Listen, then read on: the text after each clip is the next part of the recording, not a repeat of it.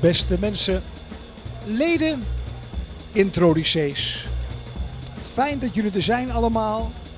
Er zijn nog wat gasten onderweg en die weten de weg hier naar de Brossoes zeker en vast te vinden.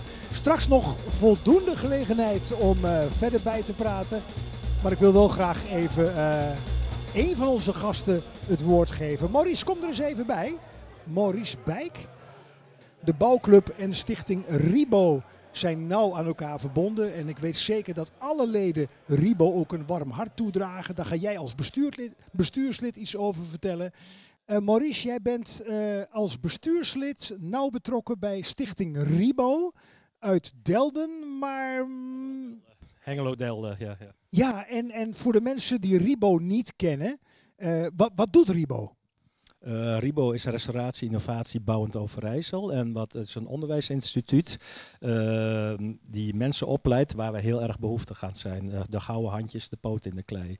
Iedereen denkt, de jeugd denkt tegenwoordig overal geld te kunnen verdienen met een iPad en noem maar op. maar als we ergens een tekort aan hebben, zijn het de gouden handjes. En dat doet de RIBO. Het is dus een praktisch aanschouwelijk onderwijs. En in de RIBO die bouwt nu een gebouw dat appelleert heel erg aan de vorige spreker. Dat is eigenlijk op het gebied van duurzaamheid echt in, extreme mate. Dus niet alleen de biobased component, maar ook de reused component. Dus we bouwen een gebouw um, en de leerlingen bouwen zelf het gebouw, een beetje vergelijkbaar dit. Uh, het is een beetje geïnspireerd op het Loshoes. De naam zegt het losse huis hè, van vroeger. Vroeger deed het verrekte goed. Het was biobased, het was al losmaakbaar. Als je naar de Twentse houtwallen keek, uh, die hadden acht houtsoorten. Timmerhout, brandhout, klompenhout. Als de boer te lui was achter in zijn brandhout te pakken, hij pakte in voor zijn elze, had hij paar jaar geen klompen. De kleinste eik bepaalde de overspanning van zijn boerderij. Hij plantte ook, hij was aan het voordenken, hij plantte ook een nieuwe eik. Want stel je voor dat hij kinderen kon krijgen.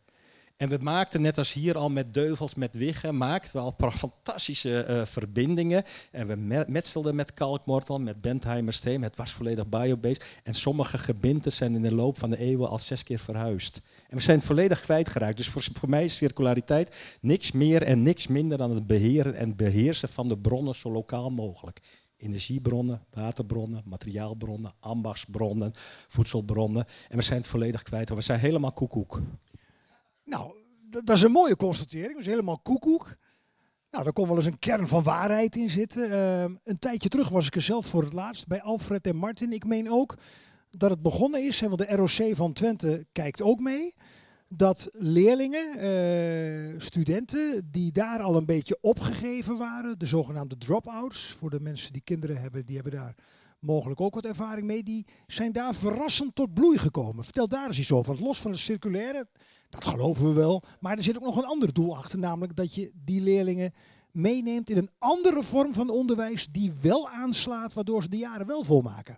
Nou ja, dat is wat ik zeg, dat praktisch aanschouwelijk onderwijs. Dus die gouden handjes.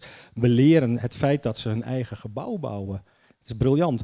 En wij hebben ook een subsidietraject gerealiseerd kunnen krijgen van VMBO tot universitair. Die zijn aangehaakt. Dus niet alleen de VMBO, maar ook de ROC, de RIBO, de Saxion en de universiteit. Uh, van dit soort knooppunten, er is nooit, dat is van vader op zoon naar de volgende generatie toe gegaan, is nooit een, een, een, een berekening gemaakt hoeveel krachten kan het verdragen. En dat doen we nu met de universiteit. De Saxion maakt er allerlei businessmodellen van. De ROC en VMBO, dat zijn degenen die het in elkaar zetten. Dat is zo waanzinnig. En uh, wat we doen ook, de triple helix, onderzoek, overheid, of uh, onderwijs en onderzoek uh, overheid en de ondernemers, die zijn in triple helix, maar ook de omgeving, zijn we uiteindelijk een gebouw neer gaan zeggen. Degene die het bouwt, dat is Markslag, dat is de buurman. Nou, eh, Stichting Twikkel, dat is eigenlijk degene die van de grond. Er zit een, eh, zorgboerderij. Luc, dat is een jongen met een verstandelijke beperking, die helpt elke dag. En dat vind ik mooi, die verbinding. Dus we voegen ook menselijke waarde aan toe. Het is echt een gebouw. Nou, ik nodig iedereen om te komen kijken. Echt, de tranen schieten hier van schoonheid in de ogen. En dat zijn niet dit soort verbindingen, want het is mega innovatief. Uh, dus dit soort verbindingen maken we met uh, Japanse knopen. Het zijn blinde verbindingen. Het is al losmaakbaar, biobased. Het wordt als Lego in elkaar gezet en over 50, 100 jaar kunnen we het uit elkaar halen. En dat doen we gewoon met praktisch geschoolde mensen. Ik ben zelf heel erg gefrustreerd, was dyslectisch als een konijn. Ik heb twee jaar moeten dubleren, want dyslexie werd in mijn tijd niet uh, erkend. Ja, en tegenwoordig mag ik de mooiste projecten doen, omdat ik praktisch aanschouwelijk onderwijs heb gehad in het buitenland. Nou, hartstikke mooi. Je, je staat hier ook om een andere reden, want uh, zoals wel vaker, het begint met een plan, een idee. Uh, en dan ergens gaat er budgetair niet zozeer iets mis, maar er zijn veel wensen en te weinig middelen. En, en, en, en wat, wat, wat, waar heeft Ribo nu behoefte aan? Um, nou ja, natuurlijk uh, geld aan alle kanten en opdrachtgeverschap. Hè. Ik bedoel, er zitten hier partijen die ik ook al ken. Ik doe de Groot daar, die heeft mij al gigantisch hoeveelheid uh, hout geleverd. Die door de, zagerij weer tot uh, bruikbare gedeelte. Want er is ontzettend veel reused materiaal ook. Maar ook geld. Maar wat we teruggeven is vakmensen. Echt vakmensen.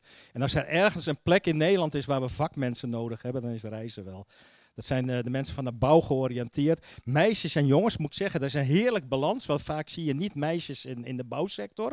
En hier, als je er rondloopt, ja, ik word er blij van.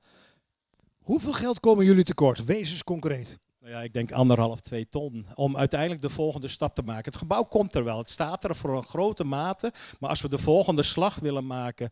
En uh, dat doen we ook met onze ketenpaar. Met vijfassige freesmachine. Dat nu, uh, doet nu MK Houtbouw. Die maakt uh, dat soort dingen. Maar als we ook die kinderen ook die kant op willen. Zou het ook prettig zijn als ook die toekomstgerichtheid daar op een mooie manier geïntegreerd wordt.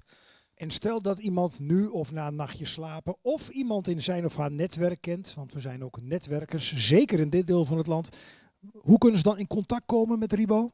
Ze mogen mij altijd benaderen, rentminstens 2050. Uh, daar vind je mijn telefoonnummer, mijn e-mail. En dan breng ik in verbinding met Alfred en met Martin.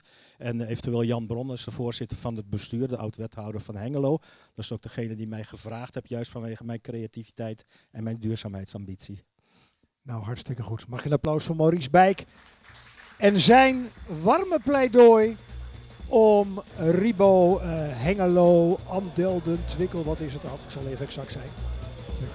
Twikkel om Ribo. Is dat, is dat juist, Maurice? Ribo? Oké, okay.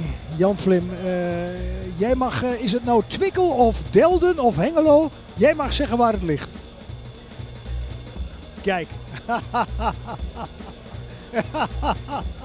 Kijk, dat is hem Jan. Hartstikke goed, ligt in Twente.